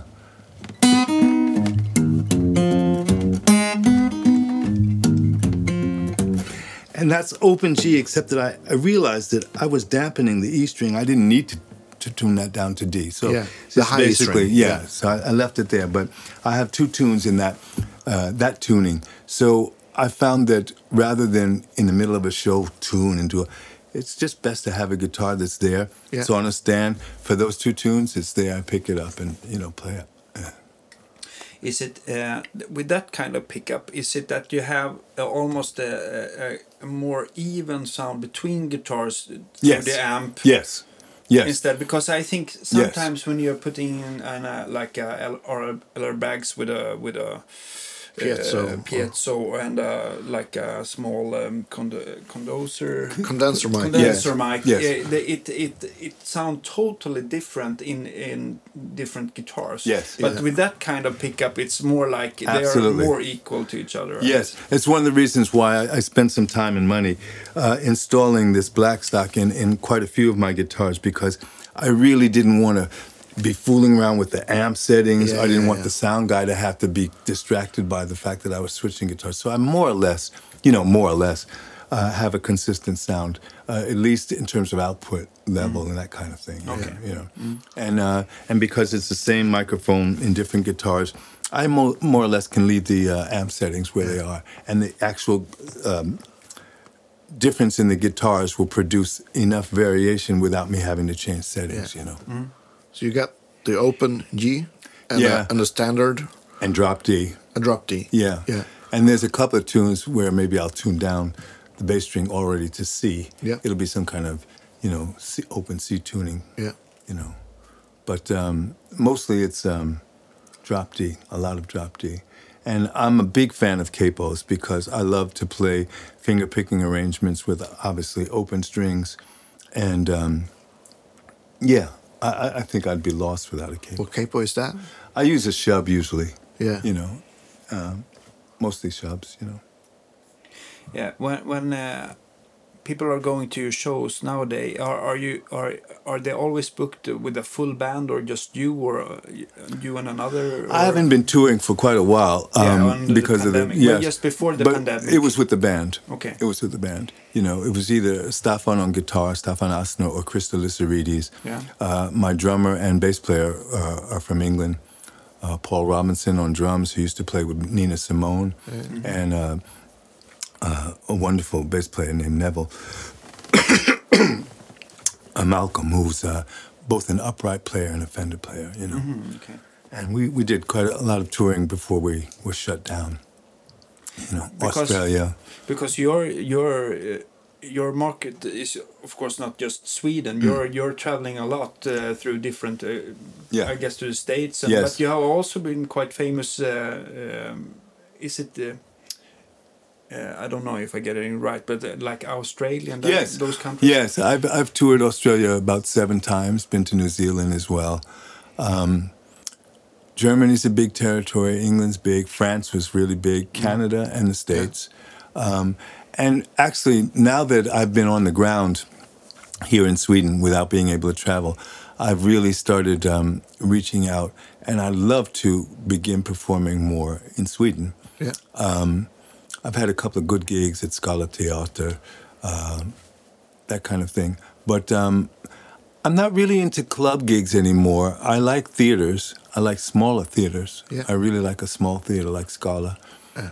it's a beautiful place. Yeah. So that that kind of gig is, is very attractive to me these days. Is it bo- is it because the audience get much more focused on what you are Yes. doing and it, you don't have that all that um, Yeah. yeah It really is because I mean, I like groovy music, and you know, consider my music to be groovy, and people could dance to it. But in the end, I'm really a storyteller as a songwriter, uh, as opposed to a, a, a blues entertainer. Yeah. So I want people to really be able to listen to to to the songs and the story. Yeah. So you're gonna tour this album? Uh, well, uh, tour and tour. We'll see where all of this uh, pandemic stuff uh, Yeah, yeah, yeah. Lands.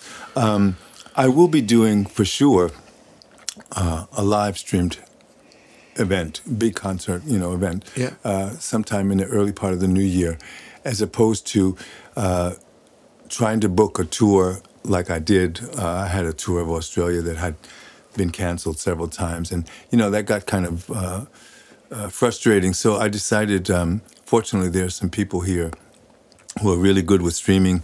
Uh, and I have a global audience, fortunately. So to be able to actually be close to home and put together the band and, you know, record and film and have it reach people in Brazil, Yeah. in Australia, in Finland, whatever, uh, and sell tickets, you know, worldwide. Yeah. It's it's a way to go, and um, I'll be much more selective with touring and live gigs, however it works out, than I have in the past. You know, I found out that um, I really do enjoy um, being uh, home more. You know, I've discovered a whole new lifestyle. You know, Yeah. I used to be, you know, half unpacked bags all over the house, you Yeah. know, and the next plane trip and the next, you know, my passport stayed in my jacket pocket. Um, you know, that was one way of, of making a living, and it certainly helped me um, uh, garner a worldwide audience. But I feel like that phase of my career is behind me. I'll be more selective about the live gigs that I do. Yeah. Yeah. I think a lot of performers and artists Yeah. have come to that realization Yes. during this pandemic because we've all been like you said we've been home. traveling forever That's we can't it's everything you Yes. know yeah. after and a while then, as my friend said, and then I had a chance to do the math, you know, and realize, you know, you can be traveling and, you know, it sounds glamorous, you know, but at the end of the day, when you got a band and you're paying hotels and paying all that stuff, if you're not Eric Clapton, at the end of the day, the band leader doesn't really, you know, get rich on that type of, you know, lifestyle unless you're like you're paying playing um, Wembley, and that's not my thing. You know, I played big venues, but I don't really enjoy it. Um, You know, if I was, you know, uh, you know, a band like the, you know, John Mayer, maybe that would work for me. But um, for me, I really have a need of being closer to the audience. So to make it work economically, um, you either have to do, you know, a solo tour, which is also fun to do, or, or dual kind of thing, or you have to just kind of figure out a way. Streaming might be the the way Yeah. to have your cake and eat it too. You know. Yeah, I met with the drummer Nicky Wallin last Yes, week. yes. I'm, I'm guessing. Yeah, you I- talked to him too. Yeah, we Oh, played yeah. recently. We Yeah. did a session in Atlantis. Yeah. Um, um, he was actually behind the camera, but I've recorded uh, with uh, with Nicky, and I really love his playing. Um, fine, fine, fine player. Yeah, because he's he's got this streaming thing Yes, going yes, on yes. at the yeah, the other big studio that's left. That's the right. old EMI studio. That's right. Yeah. The bagpipe. Yeah. Yeah. Yeah. So yeah, there's exciting things that are happening. I think this pandemic has forced a lot of musicians and also people around uh, the technical side of the music industry to really think outside the box and come up with new new ways to present music. And even if the live thing does come back without too many restrictions or hassles or problems, um, I think um, streaming live concert events is going to take on a life of its own that's going to become popular. Yeah, I think so too. Hmm. And I and I also think that I'll, uh, especially this fall and even probably the whole of next year, it's going to be Hmm. so saturated with people who wants to like get back what they lost from not Exactly. touring one and a half years. Yes. So there's going to be probably maybe too many concerts to go to. I understand. So it's going to be a problem to Yeah. fill those seats. Yeah. Not only that, I think you know it's funny. You know when people get get desperate to to do what they used to do and enjoy doing so much, they're also vulnerable for being exploited by people who are going to be trying to use their eagerness to get back on the road to bring down prices and you know all kinds of Yeah, stuff. yeah, yeah. So again, you have to consider is this really worth it? Is this really the way I want to present my music? I really enjoy being able to example for example script a show hire a theater do it and record it and film it and then you have not only that event but you have a product that's you you know usable in several other you know Yes. contexts you know and i think thinking a bit smarter you know when you're when you're touring and you're happy that people are buying tickets to your shows and it's international and people are you know excited and fans come up all of that has a certain energy that makes you uh, willing to you know haul from the hotel to back to the airport all of that stress and strain but when you have a chance to really stop and consider other alternatives you realize that hey i want to produce music under the most advantageous circumstances as possible. Yeah. I don't want to have to worry about this hall doesn't have good sound. The, the system that's hired in is not really great. Uh, all of those kind of factors that detract. This is why I love recording because you have Yeah. control Yeah, yeah, yeah, over what you're doing. You know. But do you uh, do you always bring your own uh, front of house technique? Yeah. Yeah, yeah, Who's doing that? Danny Boivin is a guy who I've worked with for a long time. Um, he's toured with uh, all kinds of uh, jazz artists, Richard Bona, and and and and um, he is somebody who I was introduced to from um, by uh, Habib Koité from Mali. Yeah. First time I met him, he's a, a Canadian from Quebec who lives in France, and uh, he's toured all over the world, all the continents. He's a fine technician, but also a road dog who really knows what it means to to make the musicians comfortable. Yeah. And so he was a combination sound guy and sometimes even road manager. Yeah. I also work with a wonderful um, uh, friend, um, Sam. Clayton.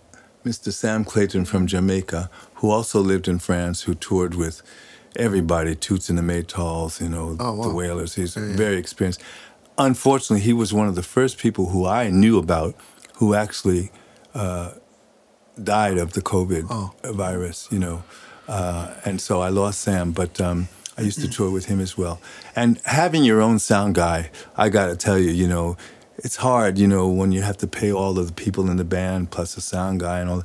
But man, what a difference, you know. Yes. You can't leave it up to chance, One big, man. What a one huge thing difference. less to worry about, and a big thing. You want to sound like you want to sound. You don't want to sound like the sound guys who's hired in his idea of what you should sound Yeah. like. Come on, man.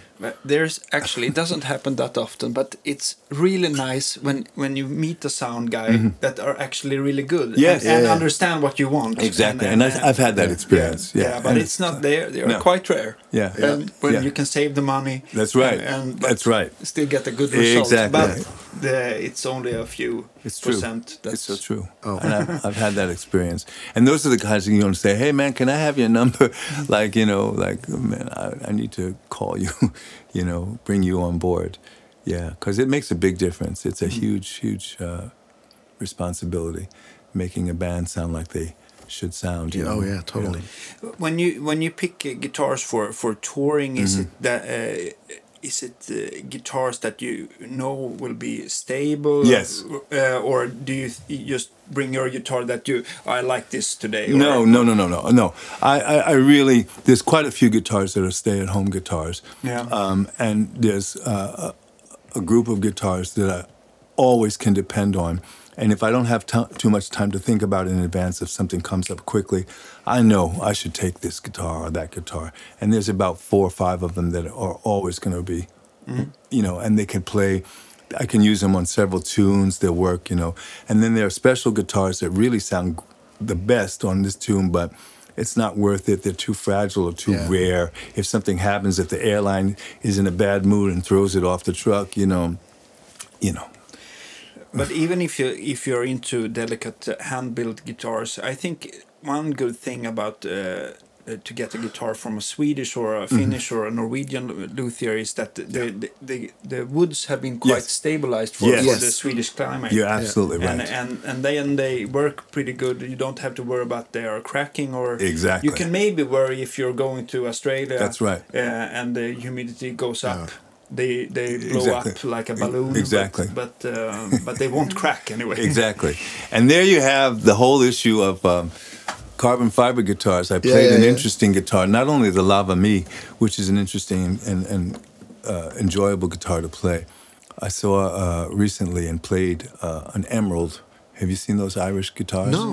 It's- Emerald is the company, and they're quite high end and they're usually kind of custom oriented. You could decide the neck size, and but really a serious guitar. And they also have a MIDI thing, which I didn't think would be attractive, but then I plugged it into something. I thought, oh, that's far out. But really, a, a very, very fine uh, made guitar.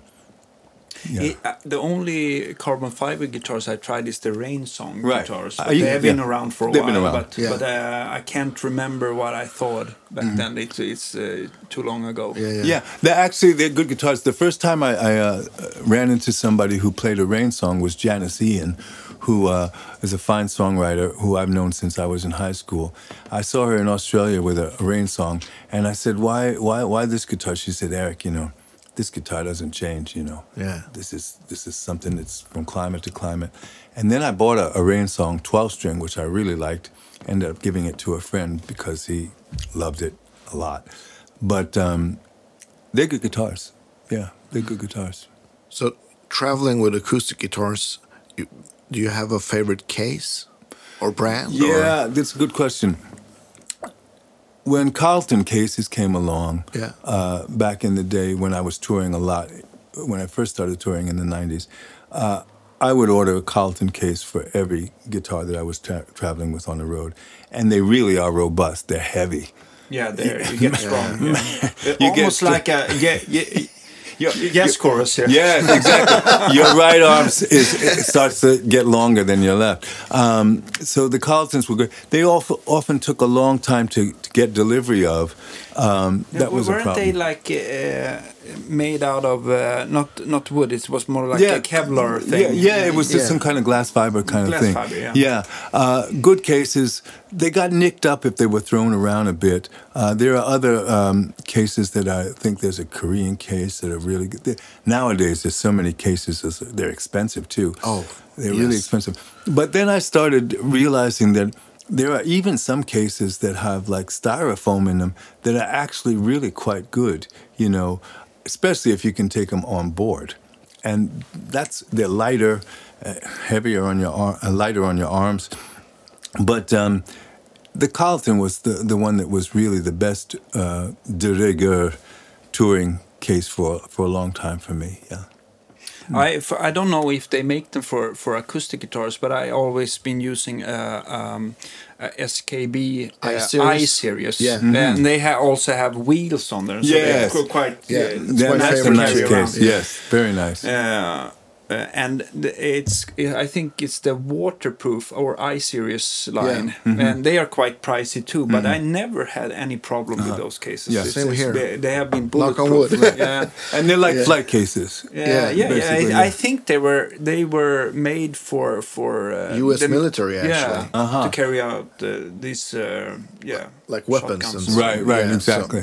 I got you. Yeah. So they're, they've and they are Yeah. quite light too. Yeah. not super light, of course, but Mm-hmm. yeah. But they're in, they're in some kind of like plastic, but it's a little stretchy. I okay, okay. But they're really good too. Okay. Yeah, I, and I thought, you know, some people were saying, man, you should get some custom cases made.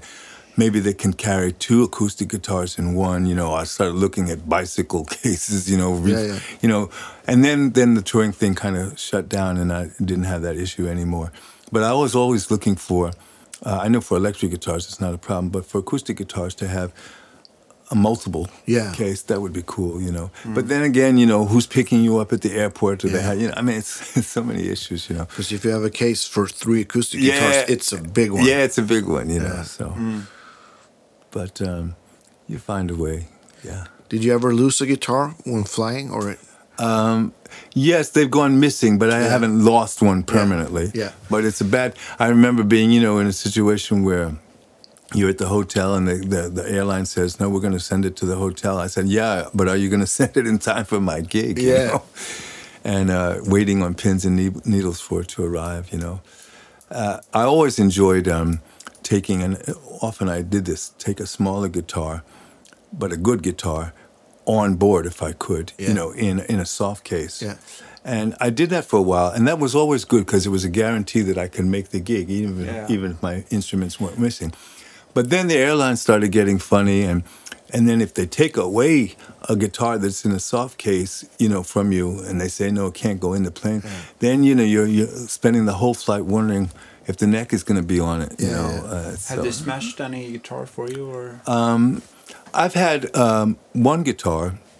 I remember I was on my way to California, and when I got there, um, yeah, the headstock had broken off somewhere here. You know. Yeah, yeah. Oh. Yeah, and fortunately there was a luthier in the area, and he could do a very quick uh, repair job. But um, yeah, this is why I don't like carrying one guitar ever. Yeah. Even if I have a, a local TV show, I'll take at least two guitars because you know you don't want to be there and all of a sudden something you know just goes wrong, man, and it's like a tuning machine doesn't start, you know, and you know you you have to just have a backup somehow. Yeah. you know. But you have so many guitars, uh, um, and uh, we always uh, uh, end up with a question that if if y- you only have to keep one, or or or the, the last one you will ever sell, Right. Which wh- which will it be? That's a you know when you say the last guitar you'll ever sell, um, do you go with the guitar that you know you can use more or less for just about anything and it'll work, or do you go for the guitar that's so rare that um, you'll never get another one like it, so you better hold on to. So it's a question of that, but. Um, Okay, you can pick one. Okay, okay, okay. Uh, off the top of my head, you know, and I don't want to, you know, diss any of my wonderful luthier friends, but this guitar that I'm holding right now, um, I love this guitar. It's um, it's just um, what can I say?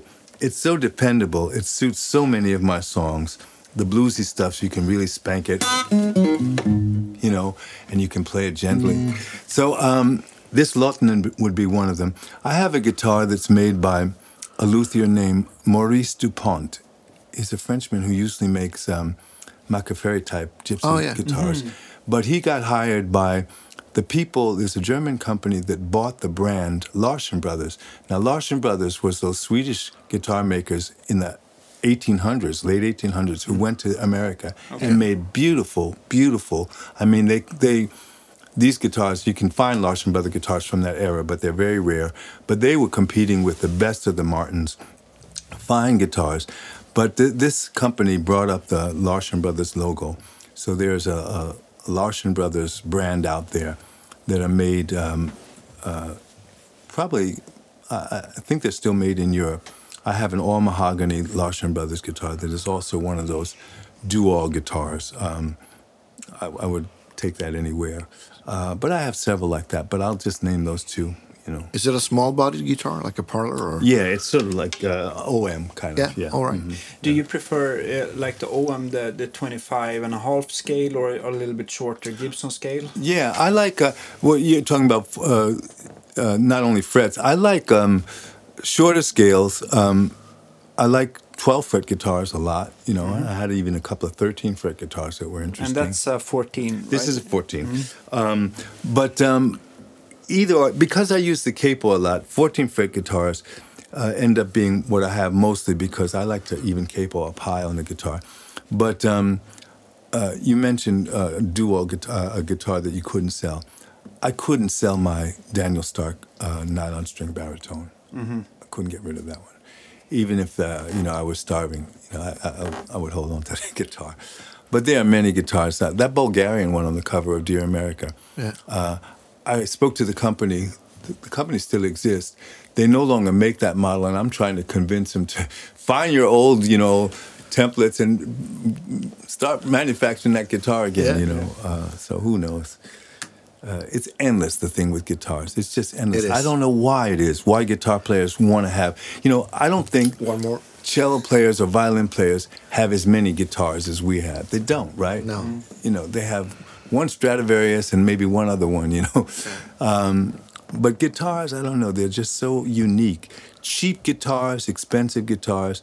And you should never uh, overlook a guitar just because it's a, a cheapo. Could could have some magic in it that'll produce a song that'll make you a million. You That- know? Yes. That's true, even with acoustic guitars, Mm-hmm. when you try those uh, quite, uh, um, uh, like, uh, not the high end, or Right. the low end, like uh, Kays or harmonies Yes, that are quite yes, uh, yes. inexpensive. Plywood, yeah, they, they can sound fantastic. I have think. quite a few older harmonies, and um, and they're really cheapos, and they're not finely finished or anything. But especially if it's uh, something older, like a, an older bluesy tune, man, they sound like um, they sound like the guitars that your heroes were recording with in the 40s and 50s, and that's a nice thing. And a new Martin, as great as it could be, it won't be that kind of um, sound, you know. Yeah. Uh, great. Um, um, and uh, before we say goodbye to, to our listeners, um, what uh, what will be up next for you? It uh, you have released this CD. Hmm. Uh, is there any shows booked here in Sweden or or? Uh, Yeah, well, for, for all of you uh, here in, in Sweden, I am going to play close to home because we live in Sörmland. And I do have a gig in Nyköping at the, the little Folkhögskolan uh, on December 9th. That's probably the only gig, um, live gig that I have booked that hasn't been canceled. So that's what I can point to. okay, but if you if. Uh, Otherwise, people can follow you on social media, Absolutely. I guess, and, I'm- and, they, I'm active. and you will let them know. I will certainly let them Yeah. know. And like I said, I want to flag this. Uh, I am seriously in the planning stages of a major live streaming event with a band. Yeah. Yeah. And uh, I'm looking forward to, to uh, promoting that um, in a big way because there are a lot of people who have gotten in touch with me from around the world who just say, you know, we miss you. Uh, I had a Patreon page for Yeah. a while uh, that kind of kept me going and kept fans at least aware of the fact that I was still making music. But um, that live streaming event is something that I'll shout pretty loud about. We'll help you Thank get you. it out Yeah. to our Thank you. audience too, of course, it. man. Yeah. As the last thing, now Yeah. when you have uh, brung your, your fantastic guitar, uh, can you play just a little outro for us? uh, Sure, sure. I Before we say goodbye. can. Let me tune. And one thing we haven't mentioned is that actually, I think one you got one of the best voices around, Oh my Oh, goodness. Yeah. yes. and I so please feel free. That's an expensive chord. yeah, I like that.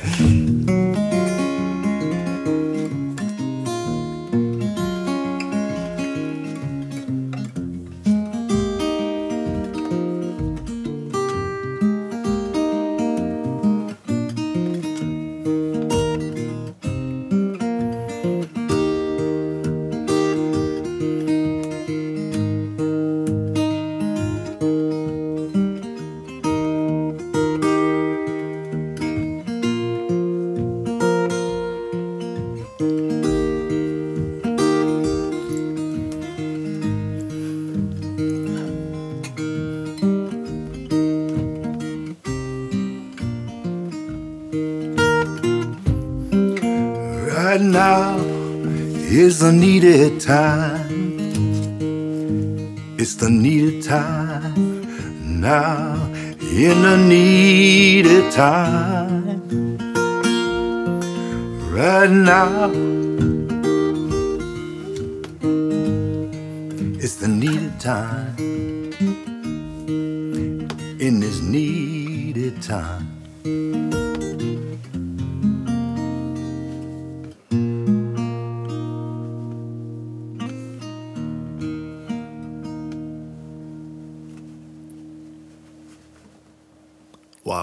Beautiful. Thank, Thank you. you, man. Yeah. Thank you, guys. And fantastic. And uh, I hope we can see you again sometime in the future. So for another episode. I Yes. look forward to Yeah, it. I've enjoyed it thoroughly. Thank you so much. Thank you so Go much. Go well. Stay Okay. well, friends.